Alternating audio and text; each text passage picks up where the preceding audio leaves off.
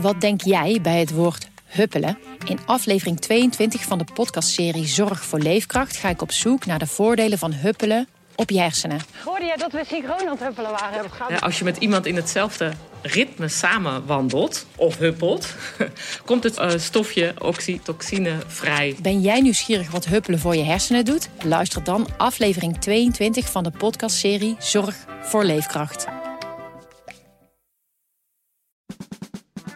Dit is de podcast Politiek Dichtbij. Met Tobias den Hartog en Thomas Brouwer. Minister Gus maakt zich zorgen dat de enorme hoeveelheden wapens die nu aan Oekraïne worden geleverd straks in verkeerde handen komen. Is die vrees terecht? En de Groningers houden hun adem in nu het Russische Gazprom niet langer aan Nederland wil leveren. Gaat de gaskraan in Groningen straks toch weer verder open? En wat hebben Ronald Reagan, prinses Beatrix en Sigrid Kaag met elkaar gemeen? Dat en meer bespreek ik met Tobias den Hartog en Hans van Soest. Tobias, normaal gesproken dan eh, schijnt de zon als je lacht, maar vandaag ziet die glimlach er toch net even wat anders uit. Hè? Ik heb kiespijn. En gaan we dat horen vandaag? In nou ja, hooguit in mijn, aan mijn chagrijn. Maar ik heb een afspraak bij de tandarts vanmiddag. Daar zie ik enorm naar uit. Dus uh, nee, het moet goed komen. Ik ben blij dat dit allemaal voor mijn verdoving uh, wordt opgenomen. Hans, heb jij nog fysieke ongemakken die we even moeten bespreken vandaag? Nou, laten we dat niet een podcast doen. ik weet niet of we zoveel tijd hebben ook vandaag. Goed, uh, Kijk, laten dat, we... jij, dat jij nou 20 jaar jonger bent dan ik, dat wil niet zeggen dat je je alles kunt veroorloven. We praten dit bij de uitzending wel even uit. Uh, laten we beginnen met de historische defensienota die deze week werd gepresenteerd. Dat uh, het kabinet meer wil investeren in defensie, dat was natuurlijk al duidelijk. Maar nu weten we ook hoe die miljarden gebruikt gaan worden, hè Hans? Uh, ja, er wordt heel fors geïnvesteerd in extra materieel. Uh, salarissen gaan ook, omhoog uh, voor militairen. En dat is eigenlijk in een hele korte tijd heel snel gegaan. Hè. Uh, we hebben al jarenlang zeggen, ja, er moet meer geld naar de krijgsmacht. Hè, nadat we eigenlijk de krijgsmacht gewoon kapot hebben bezuinigd. En stapje voor stapje zijn de laatste jaren is er wel weer geld bijgekomen. Maar ineens door de oorlog van Oekraïne is eigenlijk de Kamer van links tot rechts ineens om. Van we moeten echt fors meer geld naar de krijgsmacht. En een van de, van de voorbeelden uit die defensienota waaruit blijkt hoe snel die omslag is gegaan, is dat voor kort wilden we bijvoorbeeld geen bewapende drones uh, aanschaffen, want dat vonden we onethisch. Ja, en dat gaan we nu toch doen. Het onethische van dat soort drones is dat zij niet hun slachtoffers zeg maar, in de ogen kijken en een keuze kunnen maken. Dan. Nou ja, dat is in elk geval het idee erbij. Ja. Uh, tegelijkertijd, ja, ik, ik, ik geloof niet dat uh, eventuele vijanden van Europa zich daar heel veel aan gelegen laten liggen. Dus het lijkt me een heel verstandig besluit. Maar is het nu puur Oekraïne wat deze verandering in gang heeft gezet, Tobias? Nou ja, kijk, er was er wel een, een, een smal deel van de Tweede Kamer dat er wel langer aandrong op defensieuitgaven. Maar als je kijkt naar de verkiezingsprogramma van de afgelopen jaren, dan, dan was er eigenlijk altijd, was het altijd een bezuinigingspost hè, bij de meeste partijen. Kan me volgens mij zo gauw geen partij voor de geest halen die dat in de vorige ronde of die ronde daarvoor niet als een, uh, als een krimp of in ieder geval als, als ja, water. Oh ja, SGP, ja, dat is, dat is waar. Ja. SGP is de enige die. Maar de rest was, was het altijd een bezuinigingspost. Dus er was geen liefde en geen aandacht voor. De, de oorlog in Oekraïne en de Russische agressie, zeg maar, zoals uh, uh, Den Haag dan dat vertaalt. Dat is, ja, dat is wel echt direct het duwtje. Ja, kijk, en het is natuurlijk niet alleen de oorlog in Oekraïne. Het is vooral de angst, wat komt hierna? Kijk, Rusland heeft wel uh, bewezen, we dachten, althans sommige mensen dachten uh, na de Krim van, nou ja, uh, weet je wel, hier zal Poetin het wel bij laten. Nou, daar laat Poetin het dus niet bij. Inmiddels wordt er gespeculeerd over dat hij ook Moldavië gaat aanvallen. We hebben grote Russische, of Russische minderheden in de Baltische Staten. Ja, waar stopt het? En daar is iedereen nu wel echt fors nerveus over. Ja, heel Europa investeert natuurlijk fors in defensie. Wat opvalt in, in Nederland is dat er ook veel geld gaat, niet alleen naar materieel, maar ook naar naar salarissen. Daar wordt 500 miljoen ja. voor uh, opzij geschoven. Ja, en, en dat is ook geen wonder. Hè. Je ziet krapt op de arbeidsmarkt uh, bij alles. En hier zijn dus ook heel moeilijk mensen voor te vinden. En er is geen, betere, uh, geen beter middel dan een flinke zak geld natuurlijk. Dus ik, ik begrijp wel dat, dat, ja, dat daar alle aandacht op gericht is. Maar werkt dat nu ook echt zo? Want we hebben dat vaker gezien, hè? bijvoorbeeld ook in het onderwijs. Meer geld voor de leraren, dat zou ook, ook een aanzuigende werking hebben. Nee, is het, is natuurlijk, het is natuurlijk niet de ultimum remedium. Ik bedoel, geld alleen helpt niet. Maar geen geld erbij helpt zeker niet. We hebben bij de krijgsmacht zo'n 8600 vacatures openstaan. Ja, en die staan al een tijdje open. Het is gewoon heel lastig uh, om, om jongeren te bewegen uh, te kiezen voor de krijgsmacht. Waarom? Ja, je kunt op zoveel plekken, je kunt eigenlijk overal terecht nu uh, waar je wilt. En daar kun je meer verdienen. Ja, dus... ja je, zag, je, zag, die discussie deze week ook bij Schiphol. Hè? De, de, de bagageafhandelaars die daar zijn weggegaan. Ja, die, die zijn in coronatijd zijn ze bij Albert Heijn gaan werken. Omdat ze daar 14,30 euro kregen. En bij Schiphol kregen ze 10,20 euro. eh, ongeveer die orde van grootte. Ja, als je dan voor 4 euro meer uh, relaxter werk kan doen en uh, niet in de uitlaatgassen van vliegtuigen staat en de herrie, dan ja, is, die, is die keuze snel gemaakt. Dus je moet het aantrekkelijker maken en dat geldt voor, voor Defensie dus ook. Minister Jezilkus die sprak zich deze week ook uit over de, de hoeveelheid wapens die naar Oekraïne gaan. Zij maakt zich zorgen dat die straks in verkeerde handen komen. Is die, is die vrees terecht? Ze gaf eigenlijk een beetje een politieke toespraak op iets wat, wat de chef van Interpol al, al eerder ik denk dezelfde dag of die dag daarvoor heeft gezegd in een speech van ja, we sturen heel veel materieel, heel veel wapens richting Oekraïne. En de kans is gewoon groot, dat is bijvoorbeeld gebleken in de, in de uh, Joegoslavië-oorlog, dat die op enig moment op de illegale uh, markt terechtkomen. Hè. Die, die, die wapens blijven, ja, die worden niet netjes ingeleverd aan het einde van de oorlog. En dat, dat is nog wel te ondervangen als het gaat om groot materieel, hè. dus echt raketwerpers, zeg maar, RPG's en dat soort materiaal. Daar gaat dat, en die grote installaties helemaal, die kun je nog track and trace, hè. Kun je nog zenders in plaatsen waar, waarmee je kan zien waar ze op welk moment zijn. Maar uh, ja, heel veel andere wapens, uh, iets grotere wapens, daar is in de Balkanoorlog wel van gebleken. Ja, die raken op een gegeven moment uh, gewoon zoek. Ik heb, ik heb even opgezocht wat er in, uh, in Joegoslavië achterbleef. En dan had je het in Servië. Bleven 900.000 kleine wapens. Hè, handwapens heb je het over revolvers, Kalashnikovs, dat, dat, dat materieel ongeveer. In Bosnië 750.000. In Kosovo 450.000. Ja, dat is dus alles bij elkaar. Is dat 1, nog wat miljoen wapens die dan in omloop komen.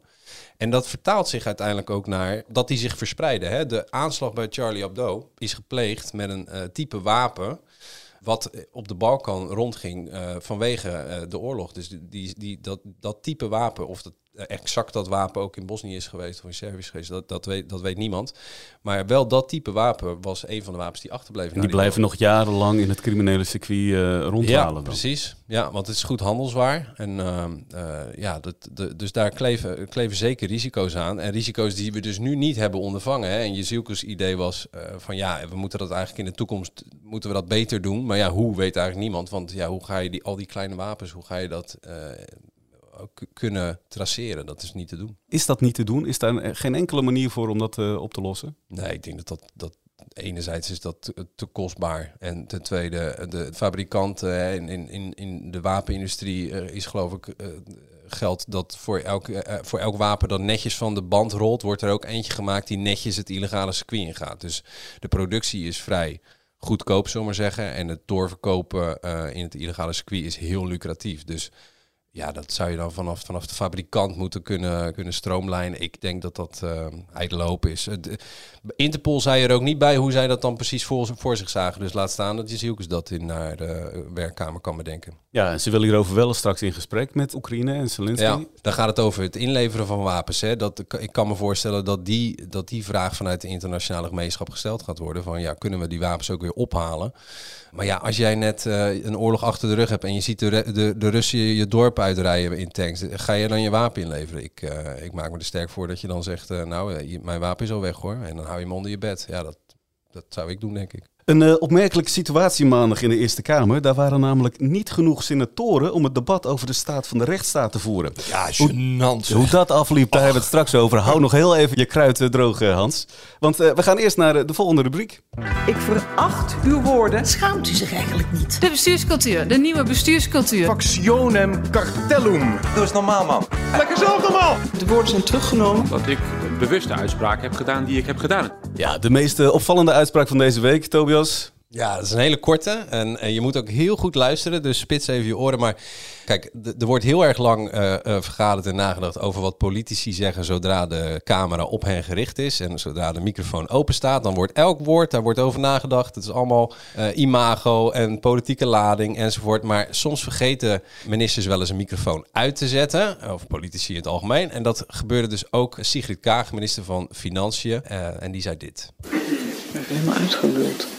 Ja, misschien nog heel even horen. Ik ben helemaal uitgeluld. Ja, aan het einde van het debat zegt zij dus: Ik ben helemaal uitgeluld. Nou, dat is. Kijk, ik vind dit dus heerlijk. Dit laat. Dit. dit, dit uh, je kan natuurlijk een boom opzetten over. Oh, geen respect voor het debat enzovoort. En, maar ik vind dit dus uh, uh, heerlijk dat, dat het is gewoon een mens, zomaar zeggen. Die dan ook gewoon een keertje zat is. En, en die zich heel even laat gaan. En die vergeet dat de microfoon nog open staat. Ja, ze draaide zich om naar collega Mark Harbers. En ze zei: oh, Ik ben helemaal uitgeluld. Nou ja, dat vind ik dus heel prettig dat dit af en toe ook gebeurt. Het gebeurt wel eens vaker, hè?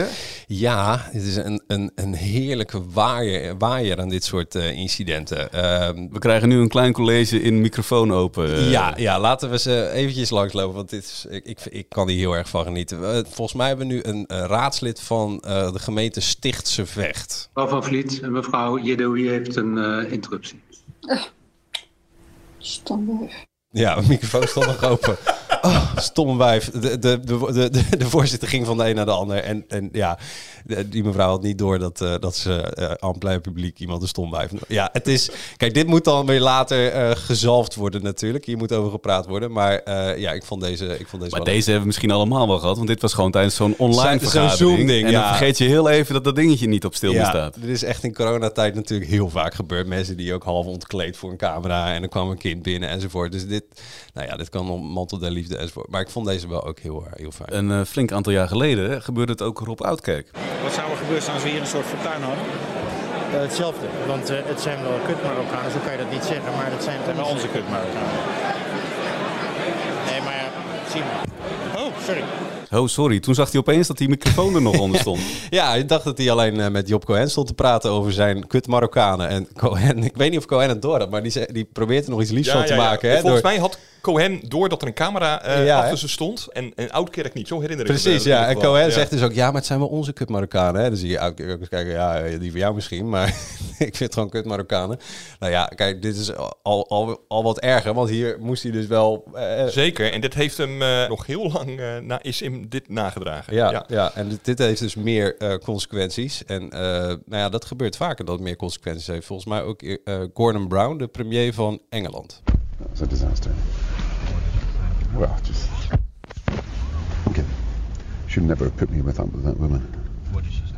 Ugh, everything. She just a sort of bigoted woman. That said she used to be. I mean, it's just ridiculous. Ja, moeilijk te verstaan, maar dit is Gordon Brown. Die zegt, dit was een vreselijk racistische vrouw. En dat is net na een gesprek. Hij, is, uh, hij heeft uh, microfoontjes omgehangen gekregen van Sky, hè, op zijn verzoek. Hij wilde met Labour-kiezers in gesprek. Nou, wat gebeurt dan vaak? Dan gaan de politieke assistenten gaan vaak, al voordat dat ge gesprekje op gang is, gaat eens vragen van, goh, en wat ga je dan zo meteen zeggen tegen die, tegen die politicus? En, oh ja, en waar zit dan je pijn en je zorgen? Nou, dan wordt die politicus even bijgepraat van, nou, die is vooral ontevreden over zus of zo.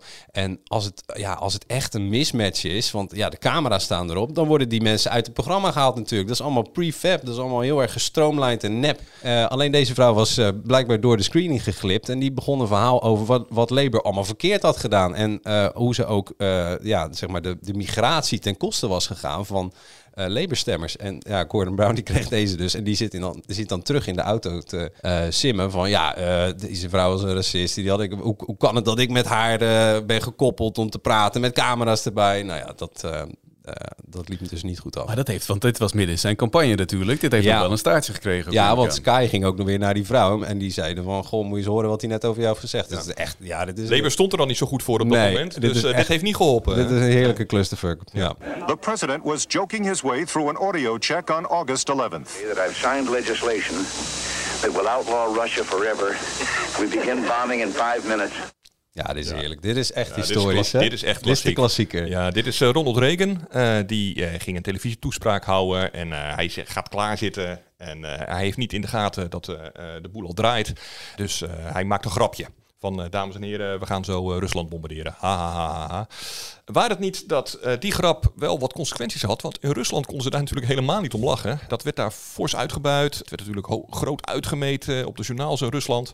En je moet je nog even terugverplaatsen in die tijd. Uh, er waren de voorzichtige onderhandelingen over ontwapening tussen, tussen de Verenigde Staten en de Sovjet-Unie. En dit heeft de, Russen wel wat leverage gegeven om uh, wat harder in die onderhandelingen te gaan. dat, heeft, dat heeft diplomaten echt maanden werk gekost om dit veldje weer een beetje glad te strijken. Ja, je zou zeggen, met zo'n lange geschiedenis aan microfoon open momentjes, politici leren hier dus niet echt van. Nee, ja. Of is het ik, gewoon ik vind het juist leuk dat het menselijk is. Weet je wel, je vergeet dat je die microfoon om hebt, je vergeet dat die aanstaat. Uh, ik, ik, vind het, ik vind het juist ook wel. Kijk, het kan natuurlijk consequenties hebben, maar eh, ja, laten we wel eens. Politici maken ook gewoon foute grappen. Of die zeggen ook domme dingen. Of soms iets wat ze niet menen. Of iets wat ze niet dat, willen zeggen. Dat debat waar Kaag uh, dinsdag stond, dat duurde ook echt heel lang. Dus ik, ja, ik kan me ook wel voorstellen dat je aan het eind even zo verzucht van... Ja. Jeetje, helemaal suf geluld. Ja, zo erg is dat ook allemaal weer niet. Gebeurt het ook wel eens bewust dat politici dit gewoon even, dat ze weten van nou, hij staat nog open. Als ik dit nu laat vallen, dan lijkt het niet officieel, maar dan heb ik het toch maar gezegd. Nou, er wordt wel eens wat in de Tweede Kamer geroepen. Hè? Dus dan, dan is de microfoon, die uh, staat natuurlijk altijd gericht. Hè? Dus de spreker heeft een microfoon en degene die interrumpeert heeft een microfoon, de voorzitter. Uh, maar er staat er altijd maar één tegelijk aan. En dan roepen ze wel eens iets van achter in de bankjes. Hè, uh, bij, de, bij Denk hadden ze er nogal een handje van Zeker. destijds. ja. Stuk, ja, die had er nogal een handje van. En dan riep hij iets en dat hoor je dan half in de microfoon. Maar in de hoop dat degene die bij de microfoon staat daarop reageert. Zo van, ja, noem je nou mij een eikel, weet je wel. En dan is het toch weer gezegd. Ja. Dus ja, dat is niet helemaal hetzelfde. Maar het, het president wordt wel is ooit geschapen overigens door S, toenmalig SP-leider Jan Marijnissen die vanuit de Kamerbankjes uh, uh, toenmalig minister Bert dus een flapdrol uh, noemde. Ik weet dan niet eens meer over welk debat het ging. Maar dat had wel succes, want Koen dus uh, hapte. En die zei dus, die was aan het woord en die zei in, de, in de microfoon. En dat kwam dus in de handelingen. Nou, voorzitter, blijkbaar word ik nu ook al een flapdrol genoemd. Nou, ja. bingo. Koen is een flapdrol. Het is een beetje I'm not a crook. Ja. ja. Als er nou zoiets valt, pak je dat dan op? Is dat gewoon, ja, dan had je het maar niet moeten zeggen? Of laat je dit soort dingen ook wel eens gewoon gaan, omdat het duidelijk niet de bedoeling was? Omdat het even een slip of de tong was? Ja, nee, uh, wat, is, wat, wat uh, gesproken wordt telt, hè, geldt in Den Haag. Dus wat is gezegd, is gezegd. Dus daar kan je mee doen wat je wil. Ik heb wel een keer uh, zelf een, een fout gemaakt, eigenlijk. Ik, ik, had een interview met Klaas Dijkhoff. Die was toen minister... Nee, hij was even staatssecretaris van... Hij was toen staatssecretaris van Asiel. En ik had een, een, een interview met hem gehad. En ik had het opgenomen op mijn telefoon. Interview was klaar, handjes schudden, dag. Ja, we, en ik kom beneden in de, in de hal van uh, zo'n zo groot ministerie. Hè. Je gaat met de lift omhoog, acht verdiepingen. Dat zijn echt wel grote uh, kantoorkolossen. En ik denk, shit, mijn telefoon. En uh, ik denk, oh, die ook boven laten liggen. Dus ik weer terug naar boven en bij de kamerbeheerder. En ja, inmiddels had Dijkhoff een andere uh, afspraak met uh, een of ander gevoelig overleg. En uh, dus ja, ik, ik zei, ja, iemand moet mijn telefoon naar binnen gaan halen. Ik zeg bovendien, hij staat waarschijnlijk nog steeds op opnemen. Nou, toen was de paniek groot. Er kwam er beveiliging bij en nou ja, ik kreeg mijn telefoon en Dijkhoff die kon er op zich nog wel om lachen, maar... Uh, die beveiliger die hield mij nog even staan. Die zei van ja, uh, wat gaan we doen nu? Want jij hebt een, een, een, een, een gevoelig gesprek opgenomen. Ik zei ja, maar ja, buiten schuld. Ik bedoel, dat, ja, ik kan mijn opname nu niet wissen. En ik ben technisch gezien niet onderleg genoeg om dat eruit te gaan Kan je altijd gebruiken, dat argument? Ja, nee, maar oprecht. En, en uh, toen, ja, toen heb ik het geloof ik naar iemand gestuurd die dat wel kon. En toen heb ik ter plekke mijn opname gewist. Nou ja, daarmee was dat natuurlijk helemaal niet weg, dat gesprek. Maar goed, uiteindelijk ben ik dus met, bij, de, bij de gratie God ben ik het pand, heb ik het pand mogen verlaten. Maar wel, ja, wel met die opname. Heb je die opname ook helemaal niet meer teruggeluisterd? Ja, natuurlijk wel. Maar er stond niks, er werd echt niets gezegd. Want ik dacht van, nou, dit is zo spannend. Bovendien, ik, heb ik had hem op mijn stoel gelegd. Dus hij lag ook nog eens, dat, dat bleek het te fout. Daarom was ik hem vergeten. Maar ik had hem op de stoel gelegd. En ik, ik was, daardoor was de geluidskwaliteit zo slecht. Ik kon nauwelijks horen wat ze zeiden ook. Maar eh, het feit dat Dijkhoff er ook om lachen, dacht ik al, nou, hier zijn geen staatsgeheimen gewist, uh, of gewisseld. Dat kan me niet voorstellen. Geachte leden, gelet op artikel 75, derde lid reglement van orde, constateer ik dat er nog steeds geen quorum is. Ik start nu met het voorlezen van de afwezige leden, waarna ik de vergadering conform datzelfde artikel zal uitstellen tot morgenochtend 9 uur. Mits er dan wel een quorum zal zijn. Ja, wat pijnlijk zeg. Ik bedoel, uh, de Eerste Kamer die houdt uh, een uh, groot debat over de rechtsstaat. daar nodigen ze drie bewindslieden zelfs vooruit. Uh, Jezielgus, Weerwind en Oesloe. En dan komen ze zelf niet opdagen voor het uh, debat, waardoor het niet door kan gaan. Dat is echt wel heel pijnlijk. Dus uh, ze hebben ook de volgende dag uh, zijn ze diep door het stof gegaan. Nooit, nooit, nooit meer gebeuren. Het is ook de laatste keer dat het gebeurde, moet ik er ook even uh, uh, eerlijkheid wel bij zeggen, is wel uit 1927. Dus het, is ook niet iets wat heel vaak voorkomt. Maar het is wel echt heel pijnlijk. Ik bedoel, je kunt zeggen, oké, senatoren, dat zijn geen beroepspolitici. Hè, die hebben nog een andere baan, die doen dit erbij. Maar toch, als je bewindslieden uitnodigt, die hebben ook een drukke baan hè, um, voor een groot debat. En je komt zelf niet opdagen. Ja, het, het, het, doet het aanzien van de Eerste Kamer niet echt goed, vind ik. Want even voor de duidelijkheid, hè, voor zo'n debat, om dat echt te kunnen voeren, dan moet de helft plus één aanwezig ja, zijn. Het zogeheten uh, quorum. Um, ja, uh, dat, dat geldt ook in de Tweede Kamer. Uh, daar wordt ook wel eens uh, mee gespeeld, overigens door Kamerleden. Hè. Als je zorgt dat het quorum er niet is, dan kan er ergens niet over uh, gedebatteerd of gestemd worden. Dat is bijvoorbeeld gebeurd, dan moet ik even naar Tobias kijken, waar het ook alweer over ging. Toen lag er een motie voor van de PVV, waardoor ineens de coalitiepartijen met z'n allen het pand verlieten, zodat er niet over gestemd zorg, kon worden. Het ging om zorggeld volgens mij. In het beeld was het natuurlijk, en zo was het in feite ook, dat de coalitie niet over of iets wilde wegstemmen uh, wat uh, slecht zou overkomen bij, uh, bij de mensen thuis. Wilders is al een van de langzittende Kamerleden. Die weet als geen ander hoe de procedures werken. Zeker. Ik bedoel, daar is hij echt een meester in. Dus ja. die dwong gewoon uh, die, die coalitiepartijen om daarvoor schut te gaan. En uh, ja, dat, dat lukte aardig, ja. Dit is, hier, zit ook wel een beetje weer mensenwerk. Hè. Theo Hiddema was eigenlijk, stond op de rol voor dat debat.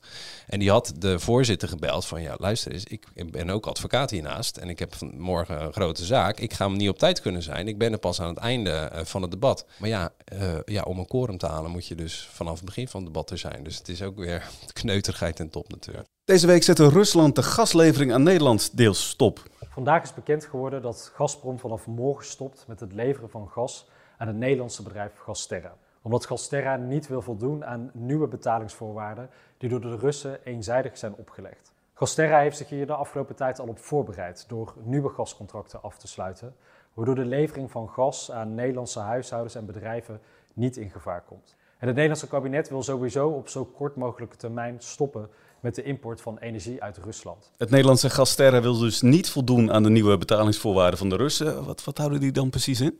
Um, die houden in dat uh, het gas voortaan moet worden afgerekend in roebels en niet meer in euro's of dollars, zoals uh, dat tot nu toe altijd gebeurde. En de Russen hebben daar eigenlijk twee redenen voor waarom ze ineens met die eis komen. Het eerste is, uh, de roebel staat onder druk. Uh, dus om de, uh, de eigen munt wat op te krikken willen ze graag uh, in roebels worden. dat maakt de, de roebel sterker. En het tweede is, het is een manier om onder de, de sancties van de Europese Unie uit te komen. Want hiervoor moet je, ja het is een ingewikkeld verhaal, maar je moet dan eigenlijk een betaling doen aan een Russische bank. En dat mag eigenlijk niet, volgens de sancties. Dus op die manier probeert Rusland Europa te dwingen onder de eigen sancties uit te komen. Ja, Nederland is niet de enige die nu door de Russen wordt geboycott. Nee, Polen, Bulgarije en Finland hebben het, hebben hetzelfde probleem al gehad. Uh, nu dus het Nederlandse Gasterra. Uh, er komt overigens nog wel een klein beetje Russisch gas naar ons toe via Eneco. Maar Hoe zit dat dan? Die, die, die betalen ook, wel in roebels? Heb, nee, die hebben een contract niet bij Gazprom, maar bij een dochterbedrijf van Gazprom. Uh, Wingas heet dat. Uh, om hoeveel gas dat precies gaat, dat is bedrijfsgeheim, dat weten we niet. Maar als je analisten uh, vraagt, dan zeggen die dat moet om een schijntje gaan van wat er via Gasterra is echt. Maar het leeuwendeel van het Russische gas komt via Gasterra naar Nederland. Ja, dat zou tot september gaan om 2 miljard kubieke meter gas. Dat ja. is voor mij heel abstract, maar dat is erg veel. Nou ja, in Nederland verbruiken we jaarlijks met z'n allen, hè, dus huishoudens, fabrieken, alles bij elkaar, zo'n 40 miljard kuub. Dus het is zeg maar 5% van uh, alles wat we met elkaar um, uh, gebruiken. Dan zou je zeggen, nou dat moet op te vangen zijn. Waar het niet dat we in de zomer, als de huishoudens minder stoken, de zomer dat gas nodig hebben om de voorraden aan te vullen. Uh, zodat we in de winter altijd een voorraad hebben voor als we weer wel gaan. Nou, dat wordt lastiger. Hoewel gisteren staatssecretaris Velbrief van Mijnbouw nog zei... luister eens jongens, vorige winter zaten de, waren de voorraden nog veel leger... toen we de winter ingingen. Dus het valt echt allemaal wel mee. Dus het kabinet doet van alles om te sussen. Die zeggen, joh, Gasterra heeft al alternatieven uh, gevonden. Hè, uh, huishoudens, maak je echt niet druk. Maar toch is er wel een reden om je druk te maken. Want in het fragmentje wat je net zei, zei uh, Jette nog van ja, huishoudens en bedrijven hoeven zich geen zorgen te maken. Maar later hield hij bij de bedrijven toch wel een slagje om de arm. Er moet echt nog alternatief gas wordt, worden gevonden om ja, iedereen evenveel gas wat we nodig hebben, althans te kunnen leveren. En het kabinet zet in op aankoop van heel veel vloeibaar gas. Uit andere delen van de wereld. Daarvoor hebben we uh, de terminals uh, in Rotterdam en de Eemshaven fors uitgebreid, uh, zodat we kunnen meer vloeibaar gas, die komen met grote tankers aan. Bijvoorbeeld Algerije of dat soort landen komen dan hier naartoe. En alleen het grote probleem is, heel de wereld wil LNG op dit moment. Er is overal een enorme vraag naar gas. Ja, zeker dus, als Rusland ja, meer landen Ja, zeker. Dus we kunnen wel, we kunnen wel uh, meer terminals bouwen, maar ja, daarmee heb je nog niet meer gas. Daarnaast wil het kabinet uh, meer uh, gas uit kleine velden uit de Noordzee gaan oppompen. En dan maar hopen dat dat, dat, dat genoeg is. Ja, en dat zal ook behoorlijk wat gaan betekenen voor de gasprijs die we dan... Nou ja, die is sowieso al hoog. Die wordt zeker niet lager. Dus nee, ja, we gaan dit allemaal merken. Ja, Jette die gaf aan dat hij op korte termijn wil stoppen dus daarmee. Wat is daarvoor nodig om dat echt te kunnen doen dan? Is dat dan gewoon wachten tot het contract van bijvoorbeeld een Eneco is afgelopen? Of nou gaan we eerder al... Uh... Nee hoor, uh, uh, dat contract van Eneco, nou ja god, daar heb ik geen inzicht in. Maar we waren sowieso al van plan om eind dit jaar te stoppen met al het import van Russisch gas. Dus je zou kunnen zeggen, nou ja god, dan valt die 2 miljard die we nu wat eerder kwijt zijn, valt, is nog wel te overzien. Maar als je even teruggaat, Zelfs toen wij een paar maanden geleden zeiden uh, we gaan helemaal stoppen met het Russisch gas, hadden we nog niet voldoende alternatieven al voorhanden. Ja, we hadden heel veel plannen. Uh, en uh, het kabinet zegt, jongens, het komt echt wel goed. We kunnen voldoende gas op andere plekken in de wereld inkopen. Maar helemaal zeker is dat echt nog niet. En dan komen we bij iets wat deze week weer heel erg begon rond te zingen. Groningen heel veel mensen voelen wel aankomen van ja, ja als we straks geen ander gas uh, kunnen vinden in andere delen van de wereld, het kabinet zegt wel dat het allemaal goed komt, ja, gaan we dan niet weer in Groningen uh, uh, de boel oppompen? En daar zouden we nou net mee stoppen. Nou, het kabinet zegt nee, daar zijn we echt niet van plan. Dat is de aller, aller, allerlaatste optie. Velbrief haalde dat gisteren ook nog eens een keer. Die zei zelfs, het is alleen in de worst case scenario, als er echt, weet je wel, ziekenhuizen geen gas meer kunnen krijgen, weet je wel, als het echt zo erg wordt, dan pas kijken we weer naar Groningen. Maar dat gaat echt niet gebeuren. Maar ja, helemaal uitsluiten doet niemand het. Nee, en dat deed Rutte ook niet tijdens een werkbezoek in eh, Groningen deze week. Uh, je kunt het niet 100% garanderen. Als natuurlijk op enig moment heel Europa zonder gas zou zitten... omdat Poetin alles dichtdraait, dan moet je er misschien bij naar kijken. Maar zelfs dan willen we het niet. Uh, maar Rob Jette en ik en het hele kabinet zeggen wel... vanwege de oorlog in de Oekraïne kun je niet uitsluiten dat ultimo, ultimo, ultimo zich een situatie zou kunnen voordoen. Maar die zien we op dit moment niet. We willen het ook niet. En we willen dus dat het stopt hier. Tobias, jij was bij dat werkbezoek. Is dat nou toeval dat Rutte nou net in deze week naar Groningen gaat? Nou, het stond gepland, uh, werd gezegd. Omdat, uh, kijk, iets wat niet goed gaat in Groningen is de, uh, zeg maar het stutten van de huizen. Waar nog steeds bevingsgevaar is. Kijk, de schadeafhandeling gaat al een stuk beter, vinden ze in Groningen trouwens hoor. Het is niet alleen het kabinet die dat zegt, maar schadeafhandeling gaat een stuk beter. Hè. Dat is gewoon het, het uitkeren van, van geld voor scheuren, voor herstelwerkzaamheden. Maar het, het herstellen van de woningen en het klaarmaken voor een eventuele volgende beving, dat gaat echt nog heel traag. En Rutte die zou, dat werd gezegd, al langer van plan zijn geweest om daar eens een keertje polshoogte te gaan nemen. maar ja, de timing was nu natuurlijk wel ineens heel, heel pikant, want daarmee kon hij ook vragen beantwoorden over hoe het dan, of, of de gaskraan in Groningen inderdaad in 2024 helemaal dicht gaat, want dat is het plan. Uiterlijk zelfs, misschien zelfs al vorig jaar. Volgend misschien jaar. zelfs al volgend jaar. Hij was, zei het, 20... was, het, was de belofte? Ja, hij zei ja. ook wel 2023, 2024. Maar ja, daar probeerde hij dus in ieder geval te zeggen. Uh, hij zei, ik, ik wil het niet, ik verwacht het niet en er zijn geen plannen voor. Ja. Maar ja, uh, uitsluiten deed hij dus ook niet. En om even terug te komen op dat ik verwacht het niet als je tot voor kort, en, en dan heb ik het echt nog over tot een paar weken geleden, aan, aan politici in Den Haag en aan ambtenaren vroeg van, uh, joh, uh, wat nou als Rusland uh, zelf al de gaskraan dicht gaat? Ah joh, dan zei iedereen, echt van links ja. tot rechts, ook experts, nee joh, dat gaat Poetin nooit doen. Die heeft dat geld veel te hard nodig. Nee hoor, dat gaat nooit gebeuren. Nou ja, het gebeurt dus wel. Dus ja, um, ik snap wel dat Rutte uh, uh, het, het, het angstzweet een beetje uh, over de rug zal moeten lopen bij het idee van ja, we zeggen nu wel, we gaan, het is echt het ultimum remedium en echt alleen als we volledig zonder gas komen te zitten is het een noodgreep. Maar ja, uitgesloten is het niet. Hè. de Russen hebben gewoon deze week weer bewezen, jongens, als jullie niet doen wat wij zeggen, draaien we de gaskraan dicht. En het is nu Polen gebeurd, het is Finland gebeurd, het is Bulgarije gebeurd, het is Nederland gebeurd, Denemarken vrezen ze dat het gaat gebeuren. Wat als het dadelijk in Duitsland gaat gebeuren? Nou, dat is zo'n ja. ding waar, waar Rutte ook op anticipeerde. Die zei Poetin, Poetin weet gewoon dat hij een enorm wapen in handen heeft om ons klem te zetten. Ja. Het is ook wat Rutte verwees ook naar Duitsland. Van ja, als, kijk, de, als, als Duitsland van het gas afgaat, dan gaat het ook echt uh, gevolgen hebben voor de, uh, de, de, Want die, zijn grotere afnemer. Hè, dan gaat het ook uh, gevolgen hebben voor de gasprijs. En de, dan, dan gaan, de panelen weer schuiven. Hè. Dus dat, dat, dat zei hij wel. Maar hij zei ook van ja, het is de oorlogskas van, van Poetin. Ik verwacht niet dat het gaat gebeuren. Maar ja, dat, dat verwachtte hij dus eerder ook al niet. Hij verwachtte in ieder geval niet. Hij verwachtte niet dat wij nu al afgesloten zouden worden van het Russische gas. Dus ja, in principe, ja, ik begrijp heel goed dat hij, dat hij de slag om de arm houdt. Wat wel opvallend was trouwens, Dagblad van het Noorden heeft een tijdje geleden een peiling gedaan onder Groningers en de vraag gesteld van, goh, als, nou, uh, is, als het Gronings gas nou nodig is vanwege de oorlog in Rusland, hoe staat u daar dan tegenover? En een meerderheid, geloof 6 op 10, die zei, daar heb ik geen problemen mee. Moet ik er wel bij zeggen, daar zat één in die vraagstelling, zat Ja. namelijk één voorwaarde wel bij, mits de huizen zijn versterkt. En dat is natuurlijk precies het probleem. Eh, die, die, dat versterken van de huizen, dat, dat, werkt, dat loopt voor geen meter nog. Eh, dat heeft enorme achterstanden afgelopen. Het is zelfs eigenlijk zo tragisch dat het staat toezicht op de mijnen, hè, die toezicht houdt op eh, eh, eh, hoeveel ga- eh, gas kunnen wij überhaupt veilig eh, uit de grond eh, halen. Die heeft al jaren geleden berekend. Het moet mogelijk zijn om elk jaar 12 miljard kuub veilig uit Groningen te pompen. Elk jaar. Nou, dat is meer dan een kwart van onze gasbehoefte. Daarmee zouden we uit de brand zijn.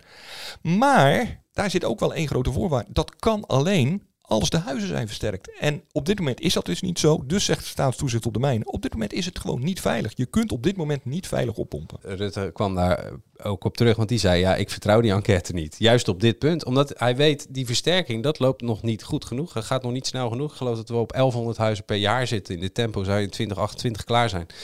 Ja, dat is, dat is te, te langzaam. En versnellen is ook heel moeilijk. Eh, dus ja, eh, dat is wel waar, waarom hij toch voorzichtig blijft en, eh, en niks uitsluit. Ja, je hebt daar ook natuurlijk met Groningers gesproken. Hoe luisteren zij dan naar Rutte?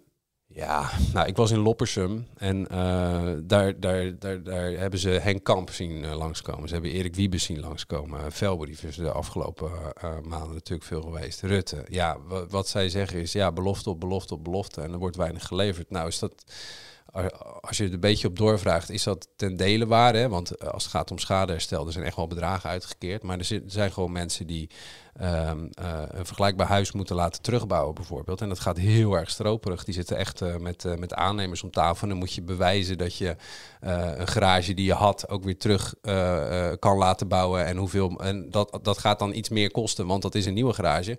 En daar is dan enorm gesteggel over. Dat gaat soms ja, over enkele tienduizenden euro's. Waarvan je denkt, ja, en het gaat niet om honderdduizenden gevallen. Hè? Dus dat, dan vraag je wel eens af, kan dat inderdaad niet sneller? Dus daar, daar is wel veel chagrijn over. Ik zag ook dat, ik was in, bij het bezoek van Wiebes ook in 2018 geloof ik.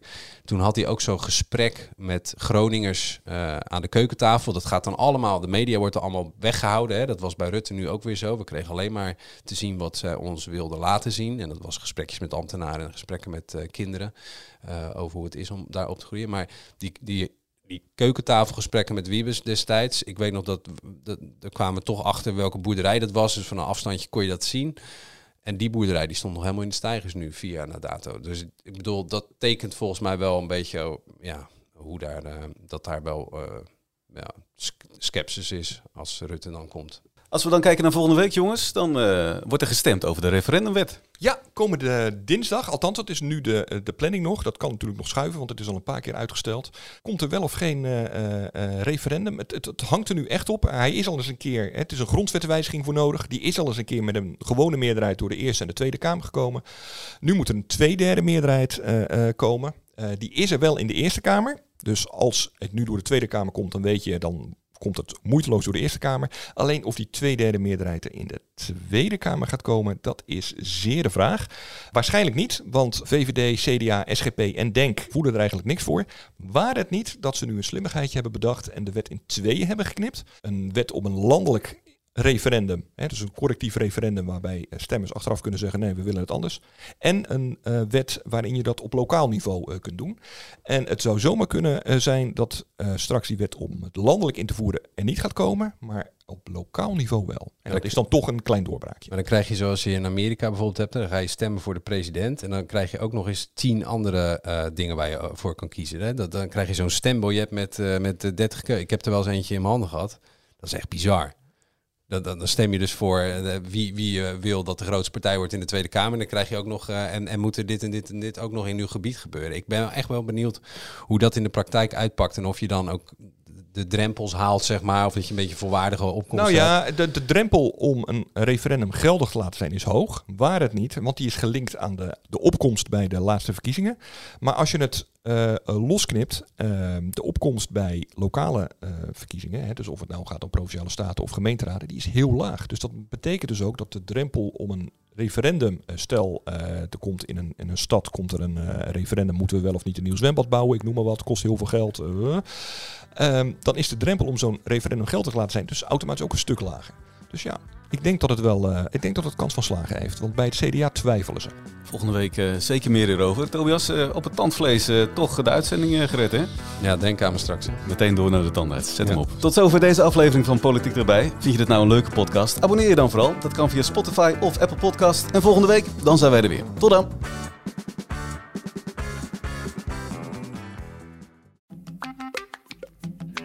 Wat denk jij bij het woord huppelen? In aflevering 22 van de podcastserie Zorg voor Leefkracht ga ik op zoek naar de voordelen van huppelen op je hersenen. Hoorde jij dat we synchroon aan het huppelen waren? Ja, als je met iemand in hetzelfde ritme samen wandelt of huppelt, komt het eh, stofje oxytocine vrij. Ben jij nieuwsgierig wat huppelen voor je hersenen doet? Luister dan aflevering 22 van de podcastserie Zorg voor Leefkracht.